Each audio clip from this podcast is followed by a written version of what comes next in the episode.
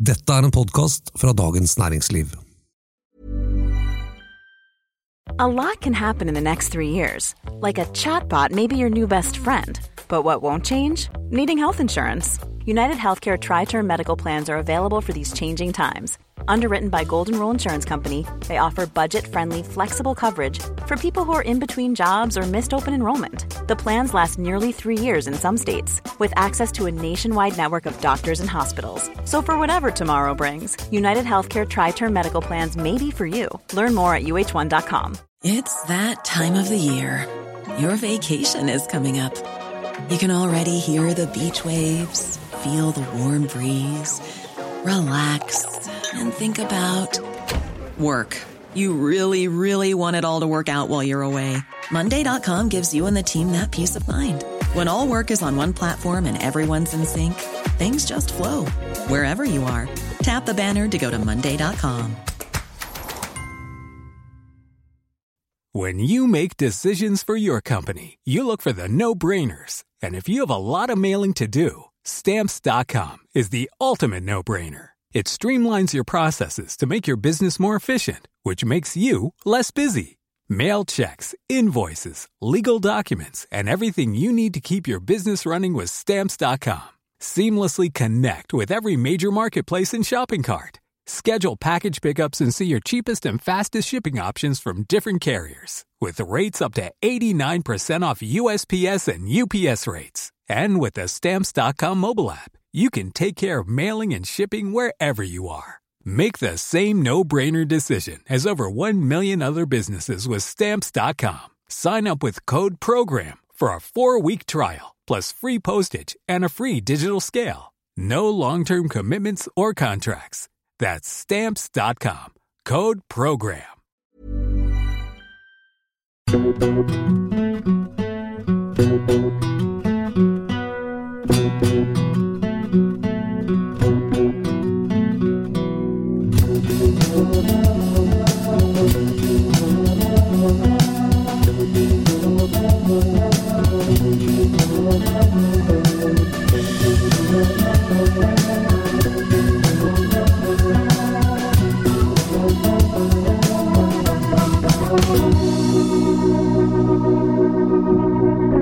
Hei, dette er Fridtjof Jacobsen fra Den politiske situasjonen. Vi har ferie i sommer, men mens vi har ferie, så ønsker vi å gi deg de beste historiene fra Dagens Næringsliv. Vi håper du liker det. God lytting og god sommer. Jeg heter Ola Jorheim Halvorsen og er journalist i Dagens Næringsliv. Det var lørdag, tidlig vår, krig i Europa, og den norske regjeringen hadde nettopp lansert en slags katastrofepush-varsel til befolkninga. De dårlige nyhetene hadde kommet på løpende bånd. Det var naturkrise, klimakrise, energikrise, matkrise, vannkrise, inflasjonskrise, transportkrise og flyktningkrise. Tiden er i ferd med å renne ut, sa FNs klimapanel. Ikke en verden jeg vil leve i, sa Nato-sjefen. Så jeg sendte en melding til sjefen min om at jeg hadde lyst til å stikke av, rett og slett. Stikke av på en reise etter et slags håp. To dager senere satt fotograf Sigurd Fandango og jeg på et fly til Skottland. Håper dere liker eh, reisen vår. Hvor skal man dra hvis sivilisasjonen kollapser? Av Ola Jorheim Halvorsen. Lest av Fanny Våger. Naturkrise, klimakrise, industrikrise, energikrise, matkrise og krig. Vi la ut på en reise til Europas ytterkant, på jakt etter håp. Moralen var ikke særlig høy morgenen vi rullet ut på den skotske landeveien. En død fasan ønsket oss velkommen, lå i veikanten og mørnet de saftige brystfiletene som vi saktens burde revet ut og pælmet i bagasjen. Matvareprisene kan ifølge FN stige 22 prosent i år, bensinen kan bikke 40 kroner literen, renten skal opp, i syv nye hopp, og i tillegg til matkrise og energikrise og krig er det også transportkrise, inflasjonskrise, sikkerhetskrise, vannkrise, industrikrise og flyktningkrise. Naturkrise har det vært i mange år. Men det som til slutt tar livet av oss alle, er klimakrisen. Tiden er i ferd med å renne ut, sier FNs klimapanel. Ikke en verden jeg vil leve i, sier NATO-sjefen. En verden vi nå var på vei vekk ifra, men fotografen, gud hjelpe ham, hadde fått installert et uhyre av en teknologi på telefonen kalt push-varsel, som innebærer et pling hver gang det skjer noe av betydning der ute. Du trodde kanskje pandemien var over, meldte VG. Det er først nå det begynner i Kina. Noas ark Hvor skal man dra hvis sivilisasjonen kollapser? Til atomsikre New Zealand, som Orkla-eier Stein Erik Hagen vurderer, ifølge DN? Da vi forsøkte ambassaden, slapp de knapt inn sine egne innbyggere. Hva med Island, der ute i Atlanteren for seg selv, kåret til verdens tryggeste land? Sikkert fint hvis man trives i sprekken mellom to kontinentalplater som gradvis glir ifra hverandre. Nei, gudene vet, selv oppe på den internasjonale romstasjonen er det ikke fred å få. Skulle vi huke oss ned i pappesker og barrikadere oss i frøbanken på Svalbard? Eller i en muggbefengt piemontesisk vinkjeller? Nei, vi måtte komme oss på en øy. Ikke for stor, ikke for liten. Gjerne en øy som lignet 1500-tallsforfatteren Thomas Moores opprinnelige Utopia, en idealstat som forfektet toleranse og godvilje mellom mennesker, og som ikke var for avhengig av russisk olje og gass. En av de første postapokalyptiske romanene, John Wyndhams The Day of the Triffids fra 1951, avsluttes med noen få overlevende på Isle of Wight utenfor Storbritannia, mens klimaflyktningene i Megan Hunters The End We Start From fra 2017 ender på øygruppen Hebridene i den skotske regionen Highlands, der bare et titall av de 500 øyene er bebodd. Det skotske høylandet fristet. Vi skulle reise til Europas ytterkant, som øygruppen kalles, og én plass pekte seg raskt ut, kalt verdens første selvforsynte øy, en ledestjerne innen fornybar energi, ifølge BBC et vitnesbyrd om menneskelig uavhengighet. Kanskje er det skottene som skal få oss ut av dette helvetet? Glenn Lyon Skal dere helt til Isle of Egg? Det er veldig langt unna. Donella Kirkland og mannen David er ute og sykler langs elven Lion, har stanset ved et bedårende postkontor og terom, kombinert, i grenden Bolgi kjent for pistasjkaker, laks og truede røde ekorn. Egg. Kirkland snur seg mot gubben. Det er den øya som er kjøpt ut av lokalbefolkningen, jeg mener jeg har lest om den, det høres ut som et fint sted å bo. Ekteparet skjønner ikke hvorfor postkontoret er stengt, heller ikke hvorfor vi har forvillet oss inn i en av høylandets minst befolkede daler med få forbindelser til omverdenen men det var som nevnt hele poenget. Bare i går hadde sjokkerte forskere rapportert om massiv fugledød i Antarktis, Norge hadde rast nedover på listen over verdens mest lykkelige land, og regjeringen vår hadde sett seg nødt til å lansere et såkalt katastrofepush-varsel. Vi gjorde som James Bond da alt virket å gå til helvete i Skyfall, rømte til det skotske høylandet. Akkurat slik tusener av briter gjorde i starten av pandemien, pakket seg inn i bobilene sine og kjørte nordover mot de øde grønne åsryggene, der også Percy Topless, en av Storbritannias mest ettersøkte menn gjennom tidene, i 1920 skjulte seg for omverdenen i en steinhytte. Høylandet var også kulisse for Utopia-eksperimentet til Dylan Evans, forskeren som sammen med en rekke frivillige i 2006 skulle improvisere en postapokalyptisk livsstil uten TV, elektrisitet og matforsyninger, men etter ti måneder var Evans selv så desillusjonert at han ble innlagt på psykiatrisk sykehus og flyttet senere til Guatemala. Vi var nå i ferd med å bli verdensforaktende eremitter, ekteparet Kirkland skjønte tegningen og pekte nedover dalen. Hvis dere følger veien og tar til venstre ved kirken i Fortingall, får dere se Europas, kanskje verdens, eldste tre. Det må da være noe.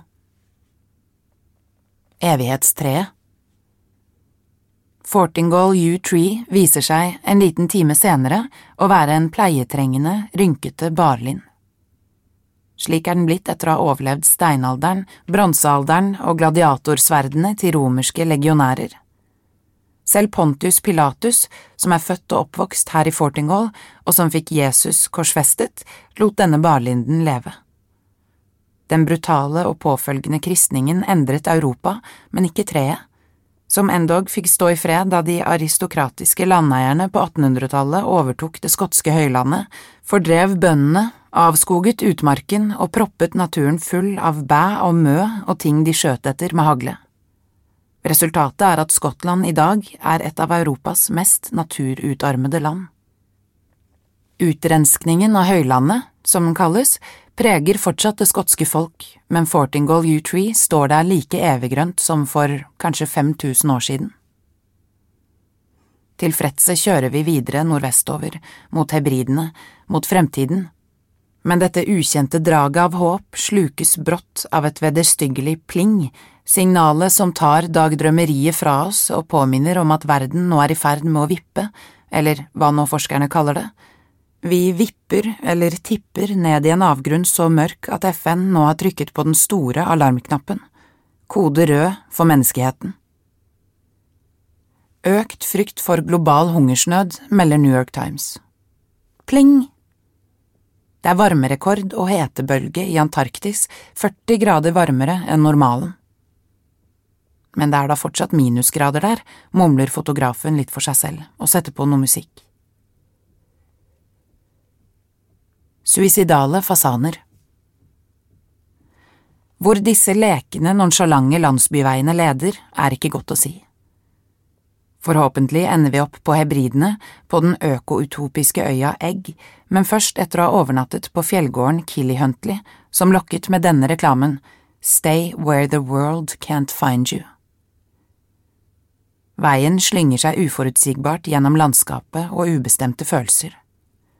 Øynene fråtser i forseggjorte steingjerder, velplasserte gods og elver som bruser i blodet. I skalperte fjellsider, åpne lyng og gressheier trimmet ned av ville dyr og seks millioner sauer. Postmann Pat forventes rundt hver sving, men vi møter ikke annet enn ville dyr, slike som alltid er på flukt. Fasanene virker å ha blitt suicidale, rett som det er sneier de grillen, brunspraglete og ville i blikket. I ens ærend er de oppdrettet for at slottskledde aristokrater skal kunne sende haglsvermene sine til himmels. Ned igjen regner den sure fordømmelsen av jaktformen, et gryende skotsk oppgjør som særlig manifesterer seg i natursynet. For noe er i ferd med å skje i Skottland. FNs klimatoppmøte, som fant sted i Glasgow i fjor høst, var således et hint. Også landets nye og dristige visjoner om å gjenopprette økosystemene slik de en gang var, kalt rewilding eller restaurering. Velfungerende natur i god tilstand kan hjelpe oss å takle klimaendringer, mener FN, som sier det finnes håp, vi kan klare det for tusen, og følelsen forsterkes når vi passerer landsbyen Braemar ved elven Dee og neonkunstinstallasjonen til verdenskjente Martin Creed lyser opp dagen. Everything is going to be all right. I skjul for verden. Dere er ikke de første som har rømt til Skottland, folk har rømt hit i all tid. Rob Dobson knegger høyt, sammen med kona Judith Wilson rømte han fra London i 2019, søkte etter den perfekte skolen for sine to barn og endte opp i Edinburgh. Vi opplevde mye sterkere fellesskapsfølelse i Skottland enn i nabolaget vårt i London, sier Wilson. Denne helgen tilbringes dypt inne i Cairngorms nasjonalpark, på fjellgården Killyhuntley, der verden tilsynelatende ikke kan finne verken dem eller oss. Vi sitter i en stue sirlig bekledd i standhaftige danske møbelklassikere, slike som tilpasser seg rom og tid uansett hvor i verden de er plassert og hvilke kriser menneskeheten måtte gjennomgå. Ekteparet, som begge er vellykkede investorer, drikker champagne og venter på treretteren og felles bordsetning og det er bred enighet om, til tross for forsamlingens mangslungne økonomi, at det er svart som natten der ute. Vi samtaler om atombomber, vindmøller, olje, ulv og Killyhuntleys eier Anders Holk Poulsen, som også er Danmarks rikeste mann. Utmarkskrise Mangemilliardæren, som eier klesselskapet Bestselger, Danmarks svar på Warner-gruppen, er også den største private grunneieren i Skottland. Her er landeierskapet så konsentrert at halvparten av privat utmark eies av rundt 400 mennesker, 10 prosent av naturen eies av 16 personer, stort sett utlendinger. Eiendommene har tradisjonelt vært brukt som jakt- og fiskeparadiser og er sterkt preget av overbeite og monokultur. Hjorten spiser omtrent alt som spirer, lyngheiene brennes for at rypene skal få mer frisk mat. Fasaner, ender og rapphøns oppdrettes og tilføres naturen. Jakten er big business, men i Skottland har det vært utmarkskrise. Det er et av Europas mest trefattige land. Men nå er det altså i ferd med å snu. Velgerbasen for det tradisjonelle landbruket er lav. Interessen for naturrestaurering høy. Noen vil kalle det et slags nasjonsbyggeprosjekt, andre nødvendig gjengroing for å få oss ut av uføret vi tilsynelatende har havnet i. Anders Holk Poulsens konsept, Wildland, håpets landskap, som de kaller det, har en 200 års visjon om å la naturen helbredes. Viltbestandene desimeres, det satses på økoturisme, plantes, sås, trærne pakkes inn i gjerder og passes på som om det gjaldt livet. Er det håp i hengende snøre når selv milliardærene har fått sans for rewilding? Hedonisme og jordskjelv Ved middagsbordet på Killy Huntley har samtaleemnene gradvis forlatt Europas nyhetsbilde. Vi har fortalt om øya vi skal til, om den spartanske steinhytta vi har booket, og det store havet vi skal se utover. Det blir sikkert deilig å stenge verden ute litt, sier Dobson. Utover kvelden serveres foie gras og kveite, mer champagne og tysk pinot noir, og når blodet bruser lystig rundt midnatt, er forsamlingen over på ekteskapelige anekdoter og vitserier. Klassisk vestlig weekend-hedonisme gjør en immun mot det meste. Men dagen derpå våkner vi til nyheten om jordskjelv ute i Nordsjøen. Equinor har stanset driften på plattformen Snorre B. Pling! og nå er det stor brann på Mongstad raffineri, 600 er evakuert. Naturkreftene setter selv norsk oljeproduksjon i flammer. Er det nå det skjer, er det nå det vipper? Den symbolske dommedagsklokken, som skal illustrere hvor nær menneskeheten er å ødelegge jordkloden, viser 100 sekunder før midnatt. Vi kastet oss i bilen, nå måtte vi komme oss ut i havgapet, isolere oss på denne øya før det var for sent rustne biler og Celtic-fans. Å ankomme Isle of Egg er som å ankomme enhver øy på den nordlige halvkulen. Rustne biler, mistroende sauer og værbitte mennesker i fremskreden alder, mange iført gule gummistøvler. På kaien i Galmisdale på øyas sydspiss svirrer lokalbefolkningen rundt, venter på post og rømlinger fra fastlandet. Øya, som er 30 kvadratkilometer stor og med en befolkning på rundt 110, har også to museer, en pub, restaurant, eget mikrobryggeri, plateselskap og musikkfestival. Alt var stengt, selvfølgelig. Men etter at det hadde regnet og stormet på hebridene i flere måneder, skinte nå solen på Steve Macmillan, som stabbet rundt kaien på krykker. Han har også stukket av, sier han, fra Glasgow, rømt fra ulidelige smerter etter en hofteoperasjon, spist 16 tabletter før lunsj og skal nå, sammen med kameraten Willy McAvoy, drikke øl på en benk. Hadde jeg ikke kommet meg ut hit, hadde jeg faen meg tatt livet mitt, sier han og ler. Jeg blir alltid så glad her oppe. Kameratene, som har overlevd covid, er godt bevandret i skotsk historie og fotballens utvikling, prater vekselvis om klubben Celtic, bensinpumpepris og verdens undergang. Ute på hebridene har de vært mange ganger, og nå føles det ekstra godt. Som de sier, alt er så dystert. Det er krise på krise, det eneste som mangler er ølkrise. Noe livsbejaende trenger frem åkke som, kanskje er det bare måten de prater på, kanskje er det noe skotsk, eller pillene, eller ølen, eller den friske luften som kommer sigende direkte fra den amerikanske labradorkysten og trenger seg ned åndedrettssystemet og åpenbart gjør noe med den kjemiske balansen. Eller kanskje det handlet om at vi nå hadde ankommet Europas ytterkant. Øyshopping I tusenvis av år har mennesker kjempet for å overleve her. Keltere og vikinger, skotter og engelskmenn. I dag er bare et titall av hebridenes totalt 500 øyer bebodd.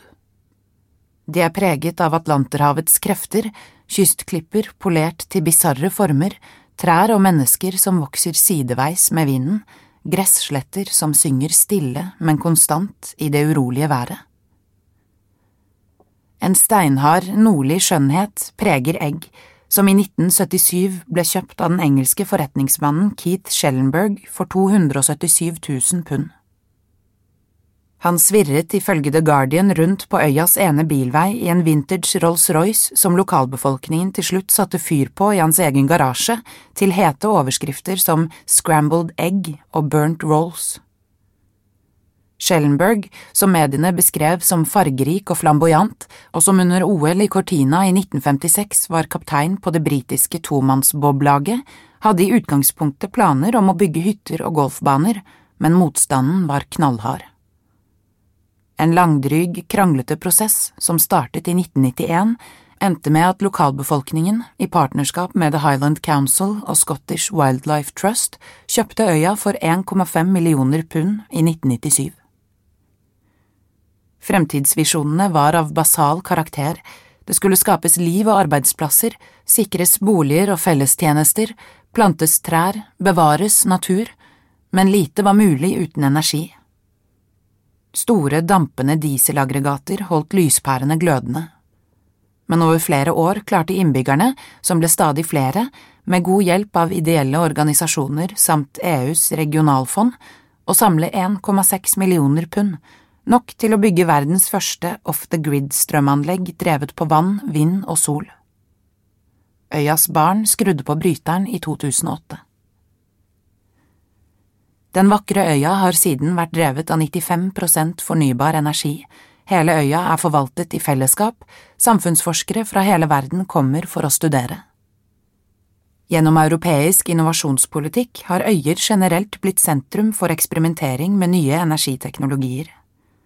På en øy har man alle ingrediensene i et samfunn på en avgrenset plass. Funker det her, kan kanskje modellen oppskaleres til resten av samfunnet. Skulle de neste to døgnene være en forsmak på resten av vårt liv, våre barns liv og Europas fremtid? Nye kriser Kjedsomheten ankom etter ti timer. Og den er det vel bare å omfavne. Vi hadde i forkant forsøkt å komme i kontakt med folk vi kunne intervjue, e-posten var blitt sendt til alle Eggs innbyggere, og om noen vil snakke, hører dere fra dem. Ingen tok kontakt.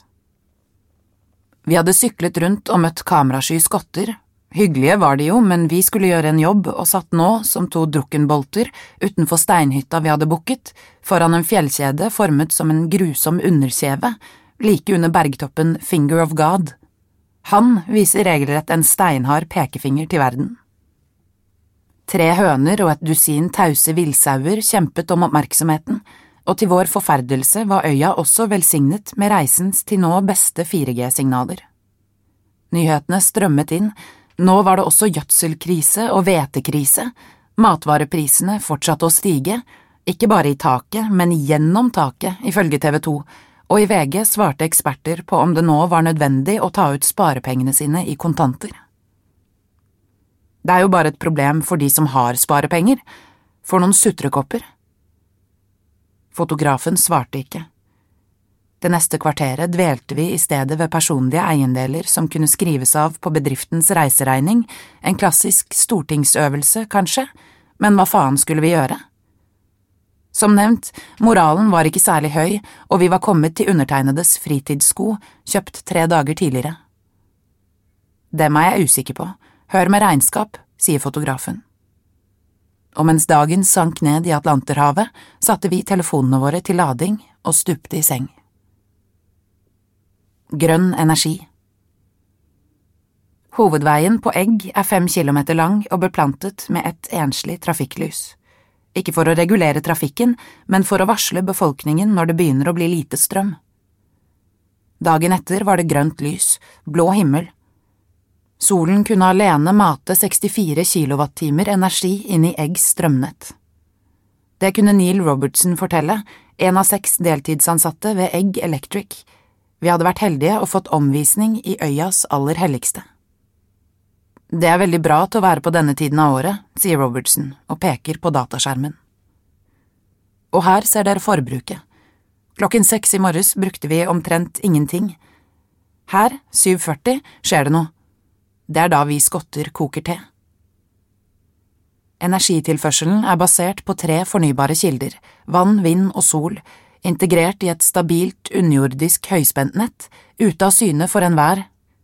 Selv de fire vindmøllene, plassert under fjelltoppen Ansgur, 390 meter over havet, skjemmer ikke naturen med sin beskjedne størrelse. Tre kraftgeneratorer som utnytter rennende vann om vinteren, gir opptil 100 kilowatt, mens solcellepanelene, hjertet i anlegget, kan mate 150 kilowatt inn i nettet. Når naturkreftene gir mer energi enn befolkningen bruker, skrus elektriske varmeovner i offentlige bygninger seg på. Dette holder forsamlingshus, restaurant, pub og kirkene varme gjennom vinteren. For ikke å overbelaste systemet får hver husstand maksimalt fem kilowatt strøm, som tilsvarer å kjøre vannkoker og vaskemaskin samtidig. Bedrifter får det dobbelte. Alle har installert målere som viser forbruket. Overskrider man grensen, venter straffegebyr på 20 pund. Det skjer nesten aldri, forteller Robertson. De betaler 23 pence, tilsvarende 2,60 norske kroner per kilowattime. For tiden er dette fem pence lavere enn gjennomsnittet i det regulære strømnettet i Storbritannia. Men det viktigste for oss er jo at energien er ren. Men dere kjører ikke Tesla? Ikke nå, nei, men vi har ambisjoner om at også bilparken blir elektrisk, og at vi kan fase ut gasskomfyrer. Husene varmes opp av solventilatorer og ved. Det siste året har de plantet 20 000 trær og etablert en såkalt brenselsvirksomhet. Vi planter lerk til fyring og blant annet bjørk for å gjenskape den opprinnelige skogen. Du rømmer ikke hit. Senere på dagen møter vi Robertson hjemme i hagen hans. Han er opprinnelig botaniker fra Edinburgh, men har bodd på Egg i 30 år. Han og gartneren Dougal Toolan gjør klart for ny plantesesong. 70% av tiden her på Egg handler om å prøve å ikke ødelegge ting, fikse bilen, inngangsdøren, skru litt her og grave litt der. På bakken ligger en avrevet fot fra et mystisk dyr. En sau, sier Dougal Toolan og kaster den til hunden. Hva skjedde med sauen? Vi drepte den og la den i fryseren. Toolan bor gratis i en campingvogn mot at han hjelper til med diverse på småbruket. Det viltre håret og massive skjegget fjernes en gang i året, samtidig som sauene klippes. Et vårtegn, sier han. Vinteren er en tid å komme seg gjennom her. Fra april kommer turistene. Og i september er vi lei, gleder oss til vinteren igjen. Som deleiere av øya, ressursene og energien må Eggs innbyggere trolig jobbe hardere enn fastlandsskotter for å sikre at fellesskapets velvære er like viktig som individets. Følelsen av dette fellesskapet og tryggheten betyr alt, sier Neil Robertson. Glemte vi kanskje å diskutere selvforsyning og sikkerhet i Norge under liberaliseringen av kraftmarkedet på nittitallet, da energi ble en vare man kunne selge? En vindmølle må jo ikke være 200 meter høy, eller forblir Eggs modell uoversettelig i et storskalasamfunn? Livet her har da noen baksider? Å ja, humrer Robertsen. Det kan være veldig hardt for parforhold, for eksempel så jeg rømmer ikke hit med kona. Du bør ikke rømme hit i det hele tatt. De som rømmer fra fastlandet, drar som regel med seg de samme problemene, og du får de samme nyhetene som hjemme. Kommer du hit fordi du flykter fra noe, tipper jeg du flykter hjem igjen like raskt. Neil Robertson har dager som er tunge. Da går han opp bak gården og ser utover havet. Norge er også et vakkert land, sier han. Jeg har vært der flere ganger, minner veldig om Skottland. Fornorskningen Nettopp! Vi hadde vært i Skottland i fem dager, og det var ikke til å komme bort ifra. Det minnet veldig om Norge, uten trær.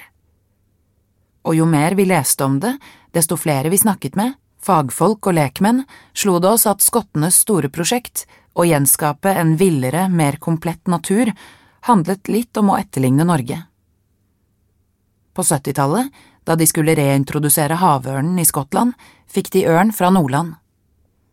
Da de i 2008 skulle reintrodusere beveren, fikk de gnagere fra Telemark. Og det som i flere rapporter brukes som referansenatur for det skotske høylandet nå, er den geologisk og klimatisk like naturen i Vest-Agder, Hordaland og Rogaland. Duncan Halley, en kjent norsk-skotsk naturforsker som vi hadde en lang prat med, mener Norge, på generelt grunnlag, kan forklares slik. Norge er trolig verdens minst verste land. Huleboere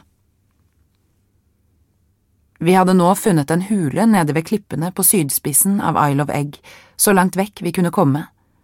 Et bortgjemt sted, en dyp, mørk grotte, trolig det sikreste stedet i Europa for tiden.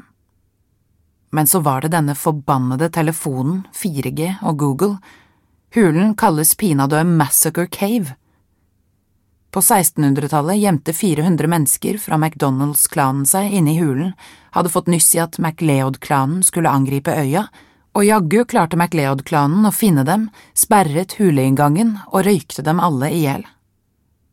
Håp, huler og religion, atomkraftverkenes metertykke vegger, rødvinens tap av minne. Ingenting beskytter oss lenger. Nyhetene prellet av oss de siste timene. Nord-Korea hadde testet et nytt langdistansemissil, i Alpene snødde det rødt etter en sandstorm i Sahara, og kong Harald hadde fått korona. Men her og nå skjedde det ingen verdens ting. Ingen pling. Vi satte oss ned på en blankskurt stein. Kanskje hadde vi gått litt lei hverandre. Begge fiklet med telefonen, som om vi nå håpet på dramatiske nyheter å fylle sjelen med. Den umettelige sjelen. Var vi totalt ødelagte? Vet du hvorfor klokken i ostebutikken går feil? spurte fotografen til slutt. Hæ? Det er en vits. Hvorfor klokken i ostebutikken går feil? Ja. Nei, jeg vet ikke. De hadde ikke stilt den.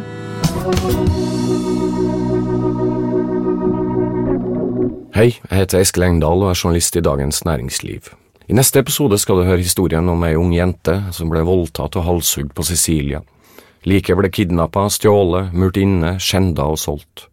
Sammen med forfatter Vetle Lill Larsen reiste jeg til Venezia for å finne levningene av Sankta Lucia. Likte du det du hørte? Vi har veldig lyst til å høre hva du syns om denne episoden, og kanskje har du også tips til andre saker vi kan skrive om i Dagens Næringsliv. Send oss gjerne en mail på tips krøllalfa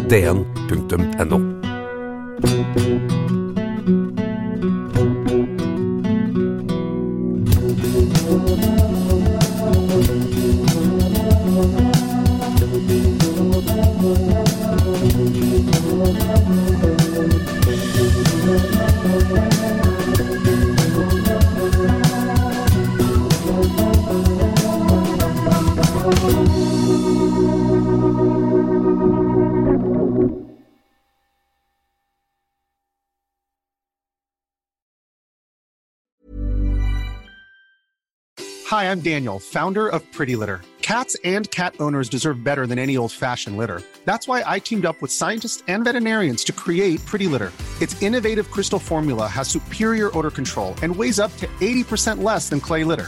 Pretty Litter even monitors health by changing colors to help detect early signs of potential illness. It's the world's smartest kitty litter. Go to prettylitter.com and use code ACAST for 20% off your first order and a free cat toy. Terms and conditions apply. See site for details. When you make decisions for your company, you look for the no brainers. And if you have a lot of mailing to do, stamps.com is the ultimate no brainer. It streamlines your processes to make your business more efficient, which makes you less busy. Mail checks, invoices, legal documents, and everything you need to keep your business running with Stamps.com. Seamlessly connect with every major marketplace and shopping cart. Schedule package pickups and see your cheapest and fastest shipping options from different carriers, with rates up to 89% off USPS and UPS rates. And with the Stamps.com mobile app, you can take care of mailing and shipping wherever you are. Make the same no-brainer decision as over 1 million other businesses with Stamps.com. Sign up with Code PROGRAM for a four-week trial, plus free postage and a free digital scale. No long-term commitments or contracts. That's Stamps.com. Code PROGRAM. The secret to summer ready skin is here. Osea's number one best selling Andaria algae body oil, clinically proven to instantly improve skin elasticity and transform dry skin to silky, soft, and unbelievably glowing. Its signature scent of freshly squeezed grapefruit, cypress, and mango mandarin transports you to sun kissed summer days. Get healthy, glowing skin for summer with clean vegan skincare from Osea. Get 10% off your first order site wide with code GLOW at OseaMalibu.com. Du har nå hørt en podkast fra Dagens Næringsliv.